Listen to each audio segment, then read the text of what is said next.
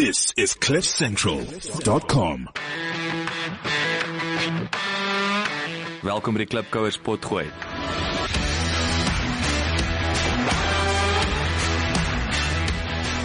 Klipkouers waar ons elke week met Afrikaner entrepreneurs en impakmakers gesels ten einde die beste praktiese besigheids- en lewensadvies met jou te deel.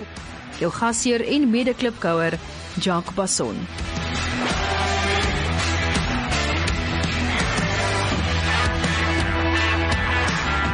Klipkouer, Jacques Bassoni so, welkom by nog 'n episode. Um ek dink jy sal by nou al agtergekom het of dalk nie. Um nietemin ek gaan jou nou vertel. Ek het uh, besluit om elke tweede week onderhoud uit te bring in steede van weekliks. Maar die hoofrede daarvoor is is ons is besig om 'n bietjie te kyk hoe ons die produksie van elke onderhoud kan lig.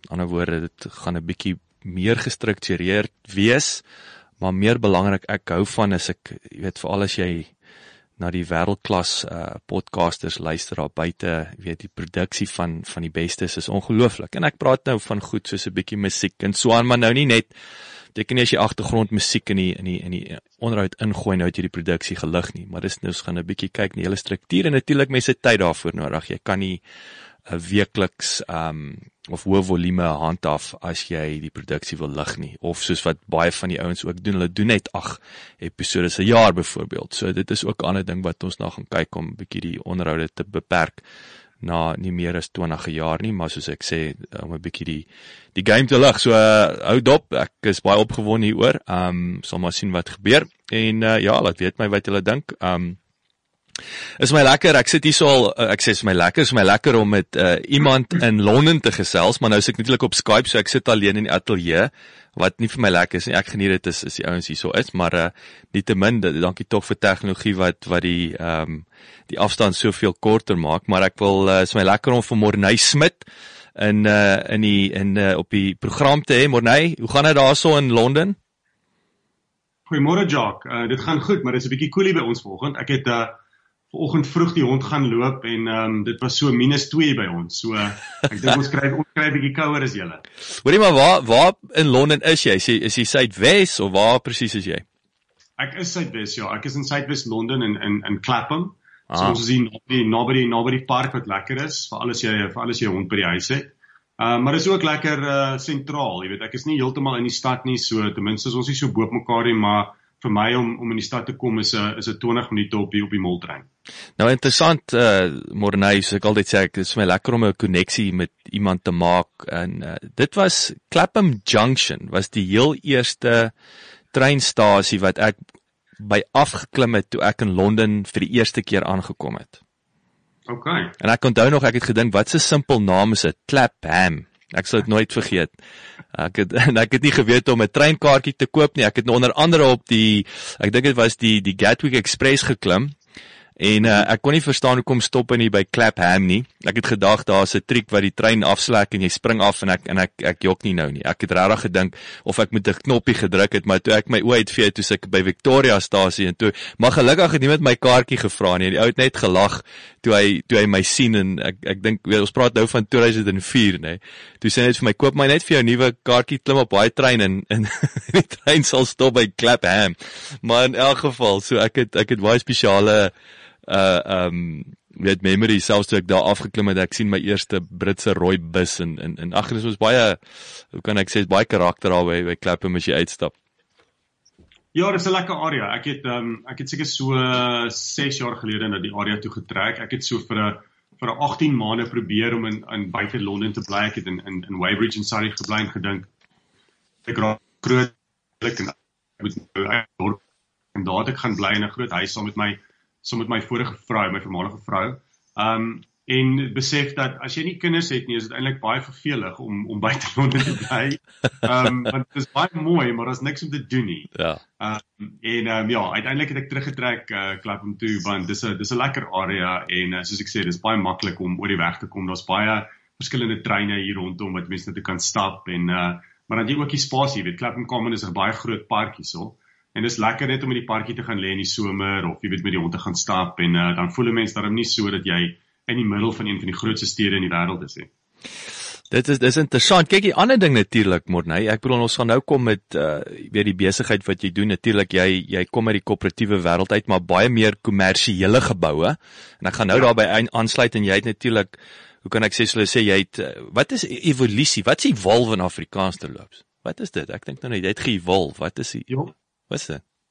ja, dink ek seker ek ek moet nou ek moet eintlik vir jou sê en en miskien vir die mense wat luister vandag en ook omdat ek weet my ma en my sussie gaan luister na hierdie podcast op 'n stadium. So ek is ek is eintlik weet ek is ek is baie lief vir vir vir ehm um, vir praat in die publiek en ek het nog weet ek het redenaarskompetisies gedoen op skool en al daai tipe van dinge. Maar ek is ek is nogal omtrent ehm um, ernstig uh op my senuwees vandag want ek kom van 'n familie van Afrikaanse onderwysers. sê die sê die druk is aan. Druk is druk is groot. Ek verstaan dit. Druk is groot. Want my ma was 'n Afrikaanse onderwyseres gewees vir vir jare en my sussie is tans 'n Afrikaanse onderwyseres by uh, by Laborie in die Parel. En ehm um, hulle gaan luister na hierdie podcast en daar gaan daar gaan baie ehm um, skud van kop wees en klap van tonge wees oor die anglisismes en dinge wat gaan uitkom want as jy vir 18 jaar in Londen bly soos ek nou gedoen het dan uh, dan dan kry jou Afrikaanse woordeskat maar bietjie swaar. Ek het so een mens hierso ben gestel. Um met wie ek so bietjie Afrikaans praat, maar omdat hy Engelse mense in sy span het, weet praat ons eintlik Afrikaans net oor rugby en braaivleis en dan wanneer dit kom by besigheid dan dan is dit weer Engels. So ek het nou al oor die laaste week of so in die in die opleiding tot hierdie uh tot hierdie podcast my sussie begin WhatsApp boodskappe stuur. Wat is die Afrikaanse woord vir dit? Wat is die Afrikaanse woord vir dat? So miskien moet ek maar gou vir haar WhatsApp kry en sê Elsje, wat is die Afrikaanse woord vir evolution? Maar ja, ek dink dis evolusie. Kom ons kyk as jy maar is evolve. Is, is die konteks van jy het ge-evolve en ek wou maar onthou wat ons ook mos doen hier sien ek kom ek agter in in in in in in Suid-Afrika as jy as jy nie regtig die Afrikaans ken nie, dan sit jy die Engels in aanhalingstekens. So jy het ja. ge-evolve aanhalingstekens. En 'n besigheid konsultant en mentor. Maar nou, maar hoekom ja. ek nou vinnig met die kommersieel wil aansluit vir ons nou dieper delf vir wat jy doen is ek weet nie of jy kan onthou nie. Ek het nou verlede jaar tot tot 'n lekker WhatsApp uh, geselsie gehad. Ehm um, die eerste keer, maar ehm um, kyk, ek is mos betrokke met 'n kommersiële skoonmaakbesigheid en ons kantoor is in Clapham North toevallig. Okay. Ja, so dit is ek het nie besef is nou nog ook om die draai van jou nie, maar die punt is ek ek verstaan, ons verstaan mekaar se wêrelde, maar ek wil sommer wegspring. Ver, vertel die klipkouers bietjie waar jy groot geword. Ehm um, jy weet wat jy's 18 jaar in Londen. Ek bedoel dit is dis absolute leeftyd amper hele generasie. Ehm um, ja. jy weet waar dit begin in Suid-Afrika, wat dit in en en en hoe het jy in Londen opgeëindig en ja, gee ons net gee ons net daai ehm um, snapshot van van SA tot tot waar jy nou is. OK. Ehm um, ja, ek is in Port Elizabeth gebore. Ehm um, my my ma en my pa op daai stadium was albei onderwysers gewees um, in Port Elizabeth, maar my pa was in die onderwysdepartement en my ma was Afrikaans onderwyseres. Ehm um, en toe hier by 11 jaar oud het ons getrek Kaap toe. So ek het die laerskool klaar gemaak in die Kaap, hoërskool in die Kaap, ehm um, swak Kaapse en toe so vir die eerste jaar en 'n half na ek geswat het, het ek gewerk in die Kaap in die uh, digitale advertensiebedryf. Jy weet dis nou 2000 ja, 2000 2001. So die die die die internetindustrie was nog redelik jonk in Suid-Afrika op daai stadium. Um en ek het gewerk vir 'n maatskappy wat uh, webwerwe gebou het vir ouens soos BMW en uh Fushini en Woolworths en so. So dit was vir my baie lekker geweest. Maar na so 'n jaar, jaar en 'n half het uh, het ek bietjie begin juk om die wêreld te gaan verken. Jy weet as jou as jou ouers onderwysers is dan het jy nou nie die luksheid om internasionaal te reis as kind nie. Um alhoewel ons baie lekker Suid-Afrika plat gery het op jy weet op vakansies.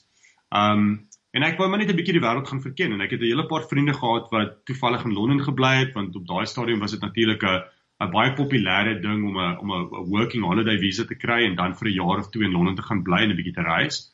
So ek het gedink laat ek dit doen. Um en ek is in toe. Um die idee was gewees dat die advertensiemaatskappy waarvoor ek gewerk het in die Kaap het vir my 'n uh, onderhoud gereël met 'n groot internasionale maatskappy hier. En hulle sou dan as hulle van my hou, vir my 'n werkpermit aangebied het sodat ek dan voltyds kon werk. En soos wat baie van die klipkouers wat vandag luister wat in Londen tyd spandeer het nou sal weet, jy weet jy jy reël hierdie oortrek storie nogal vir 'n hele klompie maande want daar's reasons wat moet gekry word ensovoorts. En ehm um, soos wat die ongeluk dit nou sou wou hê, ehm um, ek arriveer toe in Londen die dag na die die die 9/11 aanvalle in in Amerika. O, aarde. Ek arriveer in Londen, ek dink September 12, 2001. En natuurlik is die wêreld in, jy weet, in skok en dis elke lughawe in die wêreld het ouens met groot gewere mm. en uh, niemand weet presies wat gaan gebeur nie en en daar's baie ons ehm um, so week gaan ek vir die onderhoud en en die die bestuurende direkteur van die maatskappy was goed genoeg om die onderhoud met my te doen maar sê toe sommer dadelik uit die staanspoor vir my luister ek is nou baie jammer maar ons het 'n kantoor gehad in die World Trade Center in in in New York. O oh my aarde. Volg daarvan het ons uh jy weet doen ons geen aanstellings enige plek in die wêreld tot tyd en wyl ons jy weet be, jy weet besluit het wat ons nou volgende gaan doen nie. So hier is ek in Londen met nie baie geld in die bank nie, nie 'n plek om te bly nie. Ek slaap op die vloer van 'n vriend se huis. En um ek het 'n working holiday visa wat eintlik beteken dat jy net 25 ure 'n week mag werk. En ek hoop nou soos ek dit nou sê, dink ek hoop ek net daar's nie enige mense van immigrasie wat nou luister na hierdie podcast. Ek is vir die rekord nou 'n Brit, 'n Britse burger. Ek wil dit Ja, maar ek het maar deel. Ehm um, alhoewel op daai stadium ja, toe moes ek nou nie voltyds werk nie. In elk geval om 'n lang storie kort te maak, ek het toe 'n klein uh, IT maatskappy gevind in Oos om um, 'n um, blinde oog te draai na my visa situasie en hulle het vir my werk gegee en ek het begin om verkope te doen in IT wat ek niks van geweet het nie. En dit was nou Um dit was nou klippekou as ek dit so kan stel. Mm. Dit was 'n maatskappy gewees wat um besit was deur 'n deur 'n Engelse ou, maar daar was 'n Suid-Afrikaanse ou wat die verkoopsdirekteur was. En my eerste dag het hulle vir my gesê jy moet basies kliënte vind. En my reaksie was, "Oké, okay, wel wat is julle wat is julle bemarkingsstrategie?" En hulle het net vir my gekyk en gesê, ook wys gou vir jou en hulle die geel bladsy op my lesenaar neergesit en gesê ons bemarkingsstrategie begin bel ek, en ek het letterlik omdat ek omdat ek moes werk en ek moes geld verdien en ek moes jy weet huur betaal ensovoorts moes ek dit maar doen. So ons het jy weet in die oggende 7:30 het ons begin bel uit die uit die geel bladsy uit en dan bel jy maatskappy en sê o hallo ek's môre nou jy reken koop? Daai 12 uur en hulle het vir my 'n 'n 'n motor gegee om mee rond te ry. Op daai stadium was daar nie iPhones nie, daar was nie GPS en sulke goeders in karre nie. So ek het 'n padkaart gehad wat ek op die stuurwiel vasgehou het en ek moes Londen leer deur deur dit te bestuur na afsprake toe om rekenaars en sagte ware te verkoop. So dit was dit was nie die lekkerste of die maklikste werk om mee te begin nie, maar dit was tipe van 'n needs must situasie. Um spring 'n bietjie vorentoe so so jare en 'n half. Ek het toe later begin om om om 'n paar rekenaars en goedetjies te verkoop. Hulle het gesê hulle gaan my my my borg vir 'n werkspermit. Hulle het dit toe gedoen en ek het toe omdat ek 'n bemarkingsagtergrond het, um 'n voorstel gemaak dat ek dalk 'n bemarkingsdepartement daar moet begin. Hulle het dit aanvaar. Ek het bemarkingsdirekteur geword daar. Hulle het vir my aandele in die maatskappy gegee en ons het daai besigheid gegroei vir so so 4 of 5 jaar en hier aan die einde van het daai besigheid op 'n groter IT maatskappy. Nou omdat ek 'n minderheidsaandeelhouer was, het ek 'n bietjie geld gemaak uit die transaksie uit en ek het toe 'n klein telekommunikasie maatskappy gekoop wat jy weet telefoonstelsels geïnstalleer het in kantore um en sulke goedetjies gedoen het. So ek hoekom, het Ekskuus ek val jou in die rede. Hoekom hoekom telekommunikasie op daai stadium? Hoekom nie 'n koffieshop byvoorbeeld nie? OK, wel ons het terwyl ek by die IT maatskappy gewerk het, het ek um as deel van my bemarkingsstrategie het ek vir hulle gesê ons moet ook 'n bietjie diversifiseer diversifiseer in terme van waar ons inkomste vandaan kom. So ek het al begin om uh telekommunikasieprodukte in te bring um in die IT maatskappy en en, en derhalwe die die die industrie 'n bietjie leer ken, 'n paar goeie kontakte gemaak en toe deur my blootstelling aan die telekommunikasie industrie besef dat daar was 'n 'n baie interessante tendens gewees op daai stadium en om sonder om nou te tegnies te wees op daai is nou is nou 5 is waar sou die tendens gewees dat jy as deel van jou telekommunikasie maatskappy strategie kon jy minute koop by weet die ekwivalent die Britse ekwivalent van Telkom met ander woorde uh, BT British Telecom Jy kon um groot maat minute koop vir landlyn minute koop en dan kan jy dit aan besighede verkoop vir 'n wins. Hmm. So as ek nou 'n besigheid het en ek wil oproepe maak op my landlyn, um dan betaal ek sien maar jy weet 2 of 3 um sent per minuut maar ek kan daai minute aan jou verkoop. So daar was hierdie tendens gewees en dan as gevolg daarvan het het groter telekommunikasiemaatskappye kleiner telekommunikasiemaatskappye opgekoop om 'n groter um markandeel te kry. So ek het geweet dat as ek 'n 'n telekommunikasiemaatskappy koop en ek groei dit vir 'n paar jaar aggressief, dan sal iemand dit by my koop. En dan is daar natuurlik die weet die die die, die kapitaalwins wat wat mense daai kan kry. So ek het maar net 'n geleentheid gesien. Hierdie maar die hulle nou maar koop. Ehm um, ek het so 10 mense gehad wat my gewerk het en ons het net vir 2 jaar lank, 2 en 'n half jaar lank die besigheid baie aggressief gegroei. En dit was vir my 'n baie stimulerende ervaring. Ek kan nie sê dat ek dit regtig verskriklik geniet het nie. Ek dink nie ek was op daai stadium van my lewe reg gewees om my eie besigheid te hê nie. Ek was so 29, miskien 28, 29 op daai stadium. Um en ek het wakker gelê elke aand en my bekommer oor goed soos kontant vloei en of ek salarisse kan betaal ensovoorts en ek ek was glad nie reg daarvoor nie. Um maar dit was 'n fantastiese leerskool gewees. En toe hier in begin middel van 2008 net voor die wêreld uitmekaar geval het, het ek toe um die geleentheid gehad om die besigheid te verkoop en kon ek dit gelukkig verkoop voordat die waarde van die besigheid gedaal het. Um en ek het dit verkoop so aan die aan die aan die einde van 2008 um en toe besef dat um, ek in kon. En ek daai geld gebruik om in te koop in 'n maatskappy in kommersiële eiendom, met ander woorde die die ontwerp en bou besigheid wat ek en jy van gepraat het. Um so een van die vennote wat saam met my gewerk het in die IT maatskappy jare van tevore het 'n ontwerp en bou besigheid begin en gevra dat ek moet kom kom werk saam met hom in die besigheid. En ek was aanvanklik nie nie opgewonde daaroor nie want ek het niks geweet van die industrie af nie. Um maar hy het dit baie aantreklik gemaak. Um en daarbey bedoel ek hy het my eintlik maar omgekoop. en ek het ek ek hoop is 'n goeie ek ek lag nou want ek hoop is 'n positiewe einde. ja, dit was dit was 'n positiewe ervaring om mee te begin. Daar's eintlik daar's eintlik 'n storie rondom die die um kwotasies omkoop wat ek um wat ek vir jou kan vertel as jy wil. Maar hy het my ooreed om daar te kom werk en aanvanklik was dit gewees, ja, kom werk net hier vir so 3 maande, 6 maande terwyl jy besluit wat jy wil doen. Ek gesê vir 'n paar maande doen. Toe maande bevind ek myself as die bestuurende direkteur van die besigheid. Hy trek toe Frankryk toe want hy het begin met 'n Franse meisie uit te gaan. Um en ek het toe daai besigheid bestuur, um operasioneel bestuur en verkope gedoen vir die besigheid vir so 3 en 'n half jaar. En ons het die omset van daai besigheid vir 4 dubbel um in in in in 3 en 'n half jaar. So dit dit dit, dit het baie goed gegaan. En jy het natuurlik al maar jy het 'n aandeel in hom ook toe nou.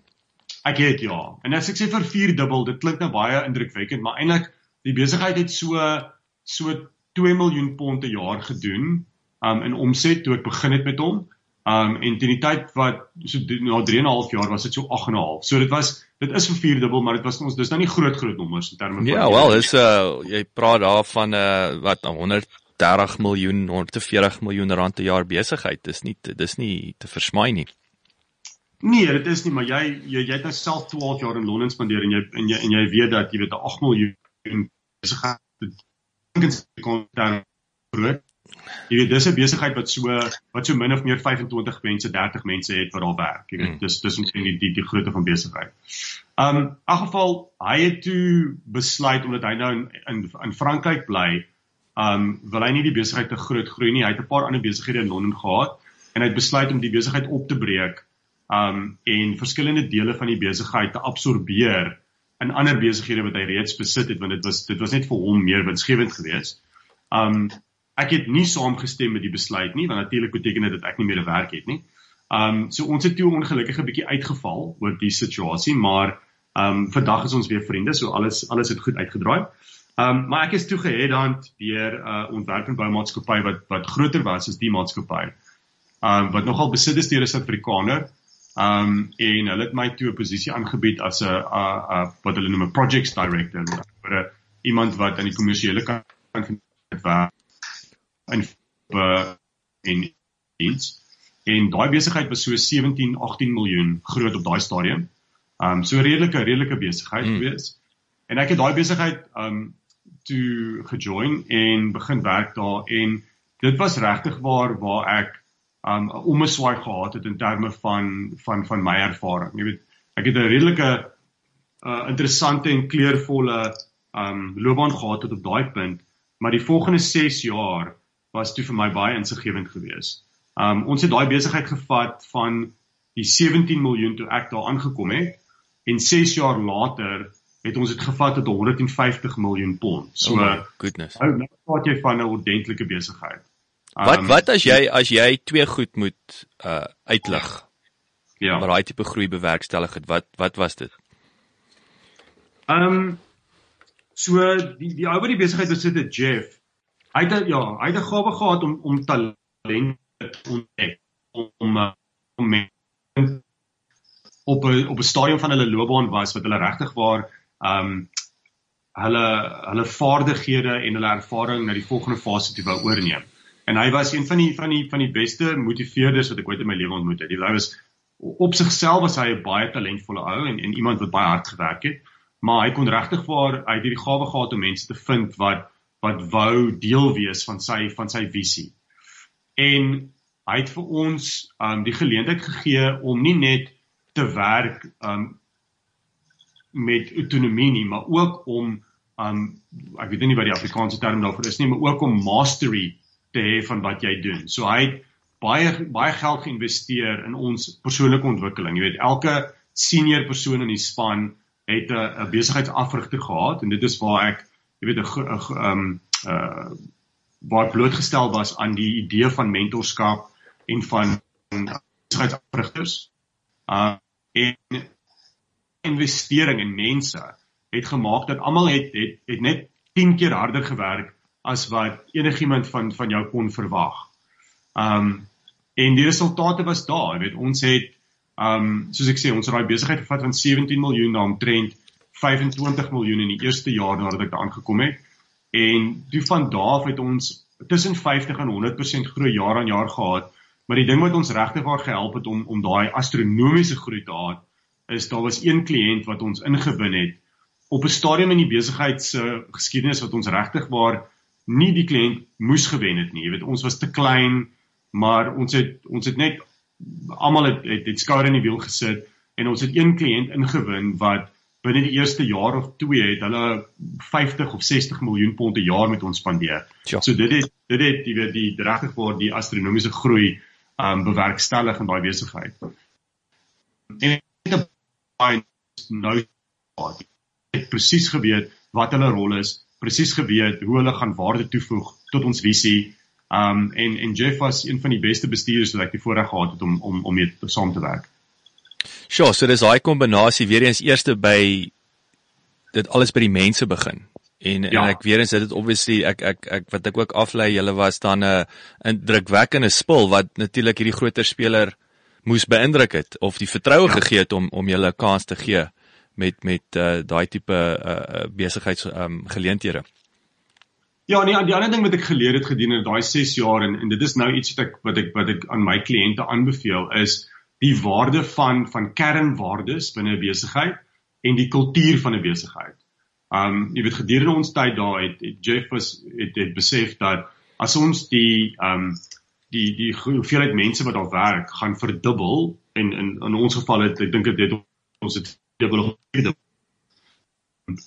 daar ons baie sterk kernwaardes nodig want jy jy kan nie um man tot man bestuur as jy gaan van 30 mense tot 150 mense nie. Mm. Jy kan nie oor elke ou se skouers staan en kyk dat hulle goeie kwaliteit werk doen of dat hulle goeie besluite neem op 'n minuut tot minuut basis nie.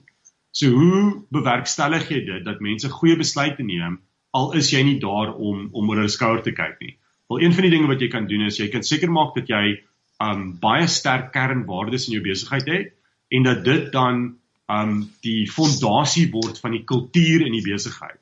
En as mense inkoop in die kultuur van daai besigheid en hulle koop in op die kernwaardes, dan maak hulle um besluite wat universeel um goeie besluite is en wat in lyn is met die visie van die besigheid. En dit is natuurlik iets wat as jy enige besigheidsboek lees of ja, jy weet jy het vroeër genoem van van wêreldklas podcasts enige besigheid um um bron daai kernwaardes en daai kultuur is uh is lewensbelangrik wanneer jy besigheid vinnig wil groei. Wat wat kom eerste? Is is die waardes is 'n uh, uh, of kultuur? Ek wil kultuur is gewoontes. Dis proses, nê. Nee, dis dis uh, of wat wat wat is eerste? Wat sê en en dan gee vir ons 'n 'n voorbeeld van kernwaardes. Wat is wat, hoe lyk 'n waarde? OK. Um ek sou sê in in my opinie, die ding wat eerste kom en en daar's 'n daar's 'n besigheids um spesialis, ou met die naam van Simon Sinek. Mm. Uh start with why, né? Is is daai Start with presies, ja. ja. So enigiemand wat nog nie die Start with why boek gelees het nie, um ek sou dit sterk aanbeveel. Um as jy nie lief is vir lees nie, dan kan jy op YouTube kyk. Um Simon Sinek het 'n het 'n video op YouTube, dis so ek dink is so 18 of 28 minute lank um wat hy 'n TED Talk doen oor start with why. En dit is dit gaan oor wat is jou wat is jou dryfveer vir wat jy doen in besigheid. Jy weet wat is jou rede hoekom jy dit doen? En weet jy voordat ek brei jy wil gesond wees en jy wil gewig verloor wat ek in geval mag wees en jy sê reg ek gaan 3 keer 'n week gaan ek gimnasium toe. Wel as jy 6 uur in die oggend op 'n maandagooggend wakker raak en is piknag donker in Londen en dit reën of sneeu hier buite soos wat dit oggend gedoen het, dan moet jy 'n redelike sterk dryfveer hê hoekom jy dit gaan doen. En in besigheid is dit dieselfde. Jy moet regtig waar identifiseer wat is die eintlike rede hoekom jy dit doen. Want dit is nie net om 'n wins te maak nie. Dit is nie net om 'n lekker kar te ry of 'n groot huis te hê nie. Daar is daar gaan 'n 'n meer daadwerklike rede wees hoekom jy um daai dryfveer in jou het om dit te doen. En dan moet jy dan moet jy ontdek. En ek sê ontdek en nie besluit nie want jou kernwaardes, vir alles jy 'n eienaar van 'n besigheid is, die kernwaardes wat jy in jou besigheid het, gaan 'n refleksie wees van jou eie waardes. Van wat jy glo in terme van hoe jy um hoe jy jou jou jou jou span behandel, hoe jy dink dink wins, hoe jy dink oor teruggee vir jou gemeenskap ensovoorts ensovoorts. So die die manier wat ek dit doen met my kliënte is dat ek ek ek doen 'n oefening met hulle wat ons daai um daai dryfveer probeer ontdek. Um dis 'n redelike moeilike ding om te doen, maar wat ons doen is ek vra vir hulle om te gaan dink oor ander besighede of handelsmerke of mense wat hulle inspireer en hoekom hulle daai inspirasie het. So as iemand vir my sê uh, Richard Branson is 'n inspirasie, hoekom is Richard Branson 'n inspirasie? En ons on ons probeer die die onderliggende um die onderliggende waardes identifiseer oor hoekom hulle sekere mense of handelsmerke ins, uh, jy weet inspirasie vanaf trek. Um en wanneer jy dan daai kernwaardes ontdek het, dan bou jy jou kultuur rondom hierdie kern kernwaardes. En wat ek daarmee bedoel is, jy jy besluit of jy praat met jou span en julle um stel 'n uh, gedragskode saam. Om jou voorbeeld te gee, um ek het 'n kliënt op die oomblik. Um en ons het hierdie oefening met hulle gedoen so 15 maande gelede want hulle wou uh die besigheid redelik vinnig groei. En hulle kernwaardes in in Engels nou is um to take pride in everything that we do to be our clients most trusted advisor. Um profit is the reward of a job well done. En dan is daar nog so twee ander. En hierdie kernwaardes um basies sê vir die wêreld. Hulle interne wêreld en hulle eksterne wêreld hoe hulle voel oor sekere goed. So met ander woorde as ek nou die invat van um we take pride in everything that we do. Die gedragskode wat daarin aangeheg is, is goed soos ons kom betyds na vergaderings toe. Ons maak seker dat ons persoonlike higiëne reg is en dit is nou 'n snaakse een, maar yes. jy weet hierdie is 'n hierdie is 'n maatskappy wat sê dat ons die site as 'n kantoor moet kom na meeting toe, dan dan was jy die stof van jou hande af en jy jy skop die stof van jou skoene af want jy kom van 'n konstruksiesite af, reg? Yes, yes. So hulle moet 'n gedragskode vind wat wat vir hulle werk. Maar ook as jy as jy as jy trots is op die werk wat jy doen, dan manifesteer dit in die manier wat jy met mekaar praat. Jy jy praat met mekaar met respek. Jy jy jy luister na wat ander mense sê. So hulle het die hele gedragskode rondom elke een van hulle kernwaardes. En wat dit dan beteken is, is jy gaan van 5 na 10 mense na 20 na 100 na 200 na 1000 dan kan jy 'n 'n redelike verwagting hê dat mense gaan optree en besluite gaan maak in 'n manier wat wat wat um aligned is met jou visie vir daai besigheid. Want dit is die die ander voorbeeld wat ek gebruik is dis amper soos om 'n ouer te wees. Weet jy, ek dink jy het kinders, is dit reg, Jock? Ek het, yes. Aan die begin, jy weet as hulle jonk is, dan sê jy vir hulle, jy weet jy moet so wees en jy moet jou huiswerk doen en jy moet jou kamer skoon maak en jy moet jou groente eet ensovoorts ensovoorts, soos wat my ma met my ook gedoen het. Maar wanneer jy 'n tiener is en wanneer jy in latere lewe is, dan is jou ouer nie meer daar om oor jou skouer te kyk nie. Jou ouer kan nie daar wees om te sê moenie daai sigaret rook nie. Moenie daai bier drink nie. Moenie so laat uitgaan nie. Hulle kan nie altyd daar wees nie. So hoe is dit moontlik dat jy 'n redelike verwagting kan hê as 'n ouer dat daai kind goeie besluite gaan neem? En die antwoord is omdat jy vir hulle goeie waardes gegee het.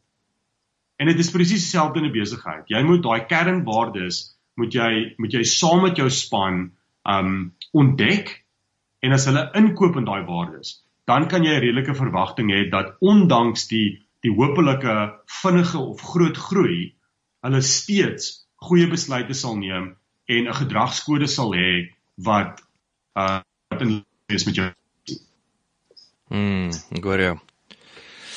Dis baie interessant. Nou nou hierdie kom ons kom na die so natuurlik so dit is dis ek ek wil dit nou saamvat, jy weet jy het nou vreemde land aangekom, jy het in 'n besigheid begin entrepreneursiese gees natuurlik wat jy na die tafel toe gebring het en daai behoefte besigheid uh, aandele gekry, suksesvol verkoop, geld gevat, ander besigheid gekoop, verkoop en toe 'n groot en natuurlik in in hierdie hierdie groot speler um betrokke geraak en daar's jy blootgestel aan die krag van mentorskap en en en en en en coaching. Is ek reg? Dis waar jy daai gesien het die krag van dit. Is dit ja, waar jy is jy toe daar besef dis iets wat jy graag wil doen? Is al hierdie hierdie rykdom, hierdie kennis wat jy opgebou het oor die jare as entrepreneur, ehm um, as as werknemer, um, en dit as 'n diens aan te bied. Wat was wat het wat was toe nou die volgende stap wat jou nou tot hier toe waar jy nou is gebring het? OK.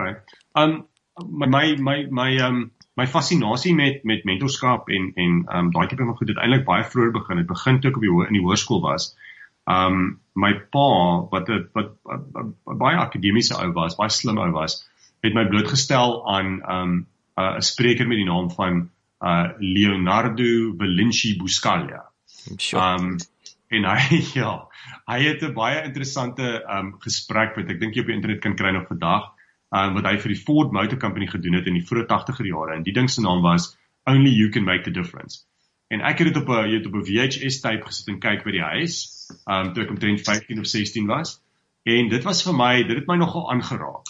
En dit het toe dit het my toe begin met hierdie fascinasie begin met um met sielkunde en met jy weet hoe mense gemotiveer word en hoe jy die beste uit mense uitkry. Mense is ander En kom is daar soveel talentvolle mense in die wêreld wat nie regtig waar um kommersiële sukses kan kan behaal nie. En ek het in my 20er jare het ek baie boeke gelees en en en CD's geluister toe ons nog CD's geluister het. Um van ouens soos Tony Robbins en um jy weet Jim Rohn en Zig Ziglar en daai Amerikaners.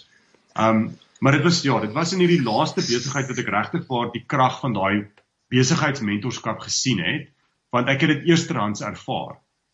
En dit was die die laaste besigheidsmentor wat ek gehad het wat vir my gevra het, "Maar wat is dit wat jy eintlik geniet in jou loopbaan en in jou werk?"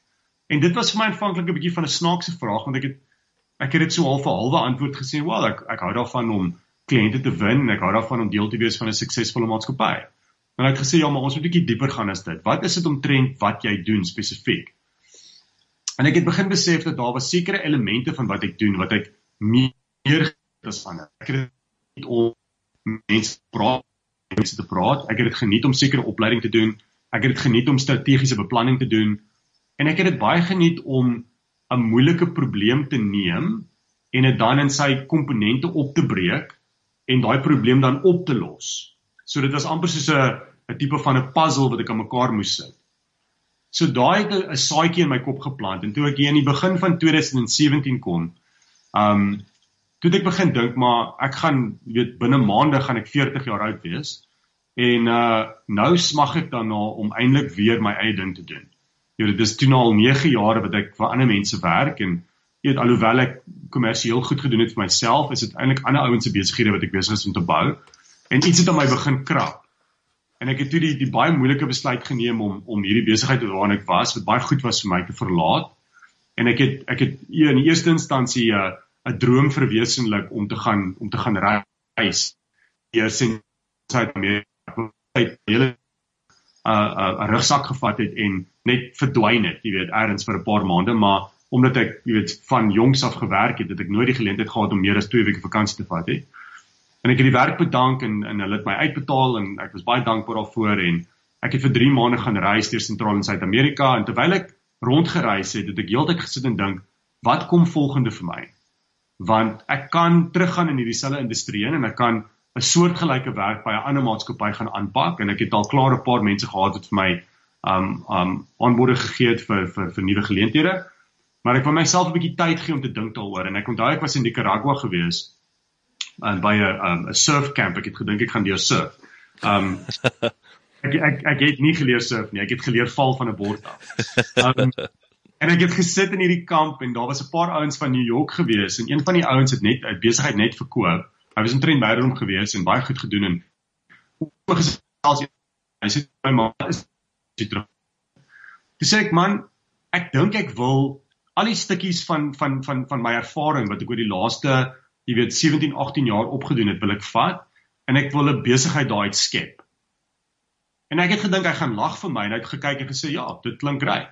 Wat is daai stukkies van daai besigheid van die ervaring? En ek het gaan sit met 'n stuk papier en 'n pen en ek het dit begin neerskryf en ek het gesê OK, ek hou van strategiese beplanning, ek hou van mentorskap, ek hou van afrigting, ek hou van opleiding, ek hou van konsultasiewerk, ek hou van probleme oplos, ek hou van verkoopstrategie spesifiek en ek het 'n hele lang lys gemaak en ek het daai lys opgevou en in my tas gepak en aangegaan op my op my reis. En toe ek uiteindelik terugkom in Londen het ek 'n paar onderhoude gehad vir 'n paar maatskappye wat my wou aanstel as verkoopsdirekteur of bestuurende direkteur van dit of dat of wat ook al. En ek onthou ek het een woensdag aand in my in my woonstel gesit met 'n glas wyn en gekyk na die wat ek maar dat me maar ek kon nie opgewonde raak oor die idee om iemand anders te werk nie. En ek het daai stukkie papier uit my tas uit gaan haal en gesit en kyk na die lys en besluit, okay. Dis nou of nooit.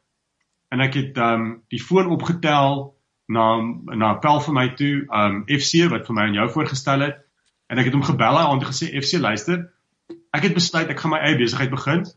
Min of meer dink ek dis wat ek gaan doen. Sal jy dalk vir my aanstel? En hy het uh, hy het gesê ja okay wanneer kan jy begin? En ek het gesê wow wow wow wag wag wag. Ek het nie eens 'n idee wat ek jou gaan charge nie. Ek het nie 'n idee wat hoeveel ek gaan vra hiervoor nie. Ek het nie ek het nie 'n 'n metode om dit om dit om dit um, om dienslewering te doen nie. En hy het gesê dis is als reg ek ken jou, ek weet wat jy kan doen, kom werk by my of kom werk saam met my en help my besigheid om meer verkope te doen. Hmm. En dis hoe dit begin het en ek het toe oor ek is maand en ek, ek het 'n waglys van kliënte wat wag om saam met my te werk. Um nou natuurlik het ek 'n baie beter idee van wat ek doen en wat ek wil doen en wat ek dink waarde toevoeg tot my kliënte. Um maar dit het regtig waar oor die laaste 18 maande kan 'n 'n lewe van itself aangeneem. Um en nou ja, nou doen ek die konsultasiewerk en die beplanningswerk en die mentorskap. Um en ek doen dit op verskillende maniere na gelang van die tipe maatskappy waarmee ek saamwerk. Um en ook die grootte van die maatskappy maak natuurlik 'n verskil. So hierso is nou ek ek sou sê twee belangrike vrae vir my wat ek dink en ek dink ouens wil altyd wil weet. Nommer 1 is hoe het jy hoe het jy oversubscribed geword? Want hoe het jy op 'n punt gekom waar daar 'n waglys was? Wat wat sê jy sê was die weer eens as jy een of twee goed kan eh, kan kan ja. uitlig. Uh eerste vraag, tweede vraag, jy weet, hoe het jy toe besluit om 'n prys en 'n koste daaraan te koppel vir die diens wat jy lewer? Hoe het jy te werk gegaan? So eerste een, wens ek eintlik daar was 'n daar was 'n baie gekompliseerde storie wat ek vir jou kan vertel sodat dit my goed laat goed laat lyk. Maar eintlik was ek maar net 'n bietjie gelukkig geweest. Ek het weet omdat ek 10 jaar lank in 'n industrie was, in hierdie kommersiële eiendomsindustrie was in Londen, het ek 'n redelike goeie netwerk van mense wat ek ken. En um ek was baie gelukkig geweest dat um ek het my my my my uh kliënte roster as jy wil volgemaak met maatskappye wat my geken het of geweet het van my. Um so mense het na my toe gekom en gesê ek hoor jy het jou eie besigheid. Um ek het gehoor by so en so dat jy jy doen um jy weet hierdie tipe van beplanning en strategie en wat ook al. Um en ek wil met jou praat daaroor. So ek was baie gelukkig geweest dat eintlik was dit vir my maklik geweest om aanvanklik kliënte te win. Um want ek het deur my netwerk, deur my huidige netwerk het mense na my toe gekom. Um tot die punt wat ek tot vandag toe nog sien ek nie te webwerf. Um as jy na immerse.consulting toe gaan, sal jy sien daar's 'n holding page. Daar hopelik sal 'n webwerf wees in April, maar dit was nog net glad nie vir my 'n prioriteit nie want ek wil nie eintlik meer mense op hierdie stadium um aantrek nie want ek sal vir hulle almal moet nee sê. Mm. Um so ek was gelukkig geweest in daai opsig. Um natuurlik was dit 10 years in the making. Dit was nie 'n kwessie van ek het dit eendag op LinkedIn gesê, "Hi ouens, ek het 'n besigheid en kom praat met my nie." Dit was 10 jaar se harde werk en 10 jaar se networking en 10 jaar se verhoudingsbou in die mark vir 'n ander rede wat wat wat toe um vir my winsgewend was toe ek my nuwe besigheid begin het. En jy het ook natuurlik jy het 'n jy het 'n diens geskep wat daar behoefte was vir. So alle krediet ja. aan jou daarso. Dit beteken as jy nou skielik koffie verkoop het, dink ek nie dit, dit sou dalk dieselfde situasie gewees het nie. Wel, die, die, die, dit dit is baie waar. Dankie daarvoor. Ehm um, maar dit was dit was vir my nogal 'n redelike logiese ding want ek het gedink wel ek kan nie dink aan 'n enkele besigheid nie of daar mag dalk een of twee wees, maar nie eene wat ek aan kan dink nie almal wat 'n besigheid besit, wil hulle verkope groei. Die ehm um, hoe hoe baie hulle dit wil groei en hoe vinnig hulle wil skaal is natuurlik ehm um, uniek in elke besigheid, maar elke besigheid wil hulle wil wil elke onder, onder, onderneming wil hulle besigheid groei.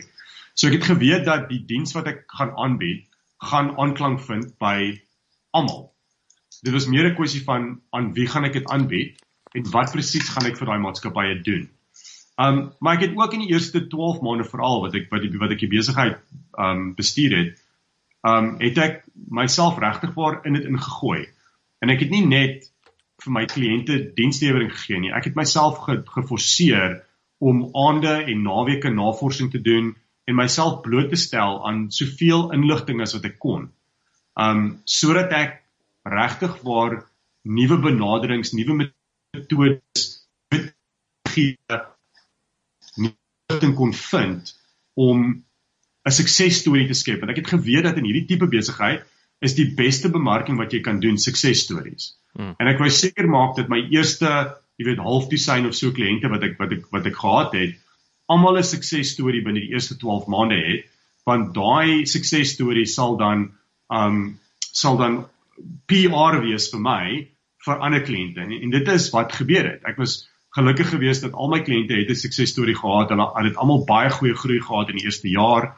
Um jy weet eksponensieel eksponensieel meer as die jare voordat hulle saam met my gewerk het. En toe hulle begin praat met ander mense rondom hulle sukses en mense begin sien dat hulle suksesvol is, dan is die eerste vraag natuurlik, "Wel, ek sien jou besigheid het 50% gegroei. Hoe dit gebeur?" O, well, ons werk saam so met hierdie konsultant en miskien moet jy met hom gesels. So daartoe meer en meer verwy verwysing begin kom toe as sukses. So baie keer is dit genoeg om net 'n goeie job te doen vir jou kliënte want hulle sal hulle sal jou beste verkoopsmense wees in die mark. Mm. Dan in terme van die prys, ek het ja, ehm um, die manier wat ek my huidige prysstruktuur in mekaar gesit het is deur trial and error. ek het net baie foute gemaak aan die begin. Um jy weet ek het gekom uit daai koöperatiewe wêreld uit waar jy 'n salaris kry plus kommissie plus miskien 'n bonus aan die einde van die jaar as die maatskappy goed gedoen het. So ons word gekondisioneer in die koöperatiewe wêreld om te dink aan ons waarde in terme van tyd. So as ek, jy weet, 1000 pond 'n maand kry, wel wat is dit per dag? En ek het derhalwe aanvanklik 'n prysstruktuur gehad wat ek my tyd verkoop het op 'n dag tot dag basis en dan na gelang van hoeveel dae mense koop, het ek die prys minder of meer gemaak. Maar ek het baie vinnig dat dit is skaal nie. Jy's basies net 'n baie duur taxi bestuurder en jy verkoop, jy weet, 'n uur van jou tyd, 'n halfdag van jou tyd, 'n voldag van jou tyd teen ek soveel uit pond, maar daar is net soveel ure en dae in 'n maand. So jy sit onmiddellik 'n plafon in terme van wat jy kan doen en wat jy kan behaal. So ek het na so 6 maande het ek begin besef ek moet begin kyk na ander maniere van um van mense um um jy weet van 'n well, ander prysstruktuur wat ek in plek moet sit. En ek het begin eksperimenteer met verskillende modelle wat ek wat ek um, navorsing oor gedoen het. En heidaglik wat ek nou doen is ek het nou mense koop nie vir my as sulks nie hulle koop 'n program. En daai program um word ontwerp vir hulle na gelang van wat hulle doelwitte is maar dit beteken nie dat ek 100% van daai program myself gaan doen nie. Ek doen die dele van die program wat ek die beste in is. Met ander woorde, goed so strategiese beplanning, koopstrategie, opleiding. Maar ek het nou mense in my organisasie en binne my my my ekosisteem as jy wil, um wat spesialiste is in goed soos jy weet kernwaardes of spesialiste is met um aanlyn bemarking of spesialiste is in public relations of social media management of wat ook al dit mag wees. Um en die program het dan het dan het dan um 'n hele um paneel van kenners wat werk saam met hierdie kliënte en die die kliënt koop die program. En wat ons dan doen is ons um daar's 'n maandelikse fooi en dit's 'n minimum van 6 maande wat die program um wat die program loop en dan vat ons ook 'n persentasie van die addisionele winste van wat daai maatskappy genereer. So as ek begin werk by jou vandag, dan kyk ons na jou boeke en ons sê, "Oké, okay, jy maak 10 pond 'n maand um wins. As ons jou kan kry om daai winste te oorskry, kom ons sê ons dit is 15 pond is jou doelwit. So ons op by pond aan wat jy 15 pond maand maak, gaan jy vir my 'n persentasie van betaal want dit kom uit jou disk, diskresionêre um winste uit. En ek is baie bly om te sê dat ehm um, die oorgrootste meerderheid van kliënte is baie gelukkig met daai model want hulle voel dat dis winste wat hulle nie voor, vooraf gehad het nie. En hulle voel ook dat dit my en my span motiveer om harder te werk. Dat ons nie net gefokus is op ons aktiwiteite nie, maar ons is gefokus op 'n resultaat. Kyk, die probleem wat baie mense het met konsultante en konsultasiebesighede en afrigtings en mentorskap besighede is dat hulle betaal 'n fooie maand maar eintlik is daar geen daar's geen garantie dat daar uh, 'n uh, resultaat gaan wees nie. Dis hierdie tipe van ek sal my bes probeer tipe benadering. En en as jy 'n besigheids aan um, eienaar is wat jou eie geld investeer, is dit baie keer 'n bietjie van 'n moeilike pil om te sluk. So my kliënte hou van die idee dat hulle betaal 'n fooi, my fooie is tipies laer as wat jy sal betaal by gewone resultaat. Maar as ons daai resultaat vir jou bewerkstellig, dan betaal jy my 'n persentasie van die van die van die winste. Ek hou daarvan. Dit is um 100% uitkomsgedrewe en so hulle sê die Engelsman sê en sê 'n ander tekens jy jy het skien in die game. So ek wil vir jou ek wil vir jou 'n laaste vraag vra. Nee, ek sien tyd haal ons vinnig in hierso. Um jy het gepraat van daai suksesverhale wat jy as 'n CV gebruik het. So ek gaan nou vir jou 'n vraag vra wat klink soos 'n vir soos 'n werksonderhoud. Hier daai daai goeie vraag. Gee ons gee ons 'n vertel ons vir een van daai suksesverhale. Wat was die agtergrond? wat wat uh, hoe het julle die probleem opgelos en en wat was die uitkoms? OK. Ehm um, die een wat die een wat ek eers aan kan dink is my tweede kliënt uh was 'n maatskappy en ek gaan nou Ilse, ma, wees asseblief um rustig. Ek gaan nou my bes probeer om die Afrikaanse woorde te vind hiervoor. Um hulle is 'n is 'n beste Afrikaans beskryf is hulle doen um hulle doen lugversorging en hulle is kommersiële loodgieters vir vir kommersiële geboue. Um en ek ken een van die eienaars van hierdie besigheid al vir vir 'n geruime tyd, seker al 7 of 8 jaar. En hy het my genader en gesê luister, ek hoor jy doen hierdie ding en ons wil oor die volgende, jy weet 12 tot 18 maande wil ons ons verkope groei met 30% en ons wil hê dat jy moet kom werk saam met ons. En ek het gesê, "Oké, okay, ek is heeltemal bereid om daarna te kyk." Ehm um, en ek het uh, die ander eienaars van die besigheid gaan ontmoet en toe die die die direkteure ontmoet en hulle het basies vir my gesê, "Ja, al wat ons hê is jy moet daai verkoopsding wat jy doen, daai jy weet daai daai magic ding wat jy doen, moet jy hier kom doen." En ek het gelag en gesê, "Oké, okay, wel, kom ons kyk wat dit is presies, hoekom jy sukkel om jou verkope verby 'n sekere vlak te kry."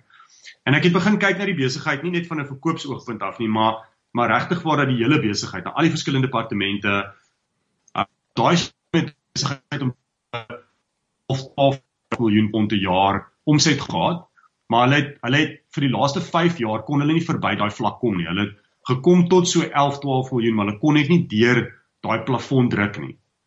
En ek het na 'n paar weke van van van van kyk na die besigheid het ek het ek gaan sit met die direkteur en gesê, "Oké okay, manne, um julle probleem is nie dat julle meer kliënte nodig het nie. Want julle doen 'n redelike klomp besighede met julle besigheid met julle kliënte. Julle probleem is dat julle kliënte vertrou julle nie om meer werk te doen nie want julle dienslewering is nie konstant nie. Julle doen 'n goeie projek en dan doen julle 'n projek wat nie so goed is nie, dan doen julle weer 'n goeie projek. So eintlik wat ons moet regmaak in hierdie besigheid is dienslewering. Maar as ons die dienslewering gaan regmaak, dan moet ons ook seker maak dat ons vir mense sê dat ons die dienslewering gaan regmaak. Dis amper soos 'n restaurant wat 'n slegte reputasie het wanneer 'n sign in die in die in die venster te sê under new management sodat mense weet dat iets verander. So ek het gesê ons gaan ons gaan moet moet 'n uh, 'n uh, public relations campaign doen en 'n bemarkingsstrategie aan mekaar moet sit wat vir die mark laat weet dat ons veranderinge aan die besighede gaan aan die besigheid gaan aanbring. So ek het hulle toe gehelp deur in die eerste instansie um, het ons begin om het ons begin met kernwaardes. Wat is julle kernwaardes? Want my my aanbeveling was geweest dat ons kan probeer meganies die dienslewering reg te maak. Met ander woorde, bietjie beter stelsels, bietjie beter prosesse, bietjie beter sagteware, bietjie beter opleiding en dit sal dit sal natuurlike daadwerklike impak op die besigheid hê. Maar as hulle die dienslewering wil regmaak en wil seker maak dat dit reg bly en dat die besigheid dan kan groei, dan moet dienslewering deel word van die kultuur van die besigheid Hulle moet bekend word as 'n besigheid wat goed is met dan die en dan begin dit met jou kernwaardes. Dan begin dit met een van jou kernwaardes moet wees dat jy dat jy 'n passie het en en en 'n dryfveer het om goeie dienslewering te hê. So ons het begin met 'n kultuur um program met hulle. Ons het kernwaardes gedoen. Ons het gewerk met hulle span om om 'n gedragskode in plek te sit. Alles rondom dienslewering um en en hoe ons werk met ons kliënte. En toe het ons natuurlik ook die meganiese werk gedoen in terme van die stelsels en die prosedures en die sagteware en die opleiding en al daai tipe van dinge. En toe het ek begin met 'n bemarkingsstrategie wat ons um hulle hulle handelsmerk um 'n bietjie jy weet vernuwe het. Ons het hulle webwerf verander. Ons het um bemarking gedoen op op op op platforms soos LinkedIn, um ensovoorts ensovoorts en 'n bietjie geraas gemaak in die industrie oor wat ons doen in hierdie besigheid. Die areas waarin ons waarin ons um belê hoe hoe ons uh, op vir hulle om om ingenieurs op te lei. Ons het vir hulle gereël om om um te praat by konferensies, om borgskappe te doen ensovoorts ensovoorts.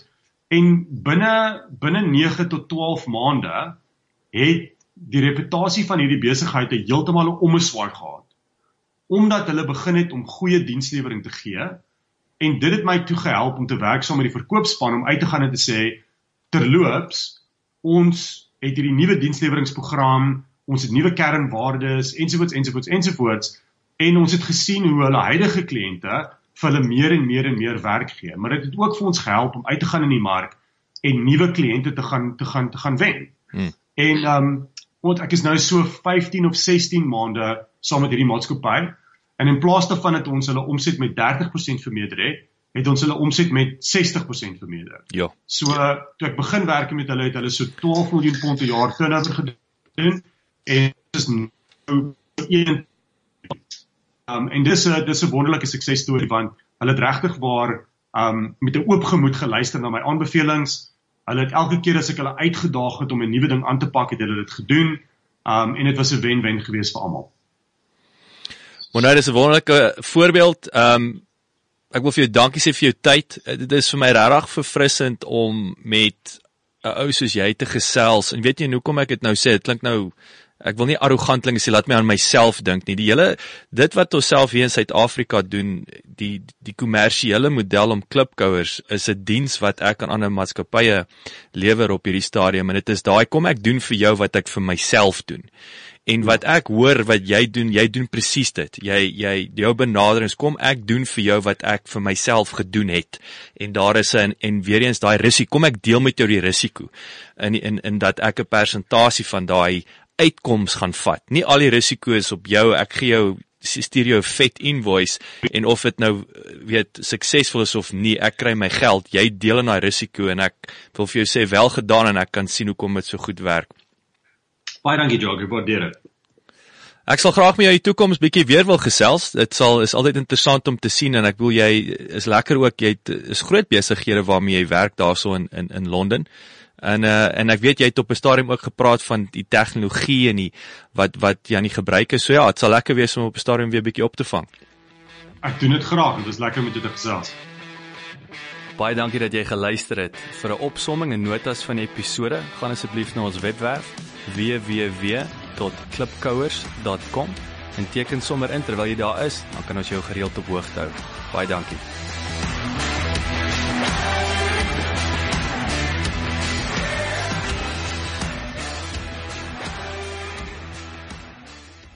This is CliffCentral.com.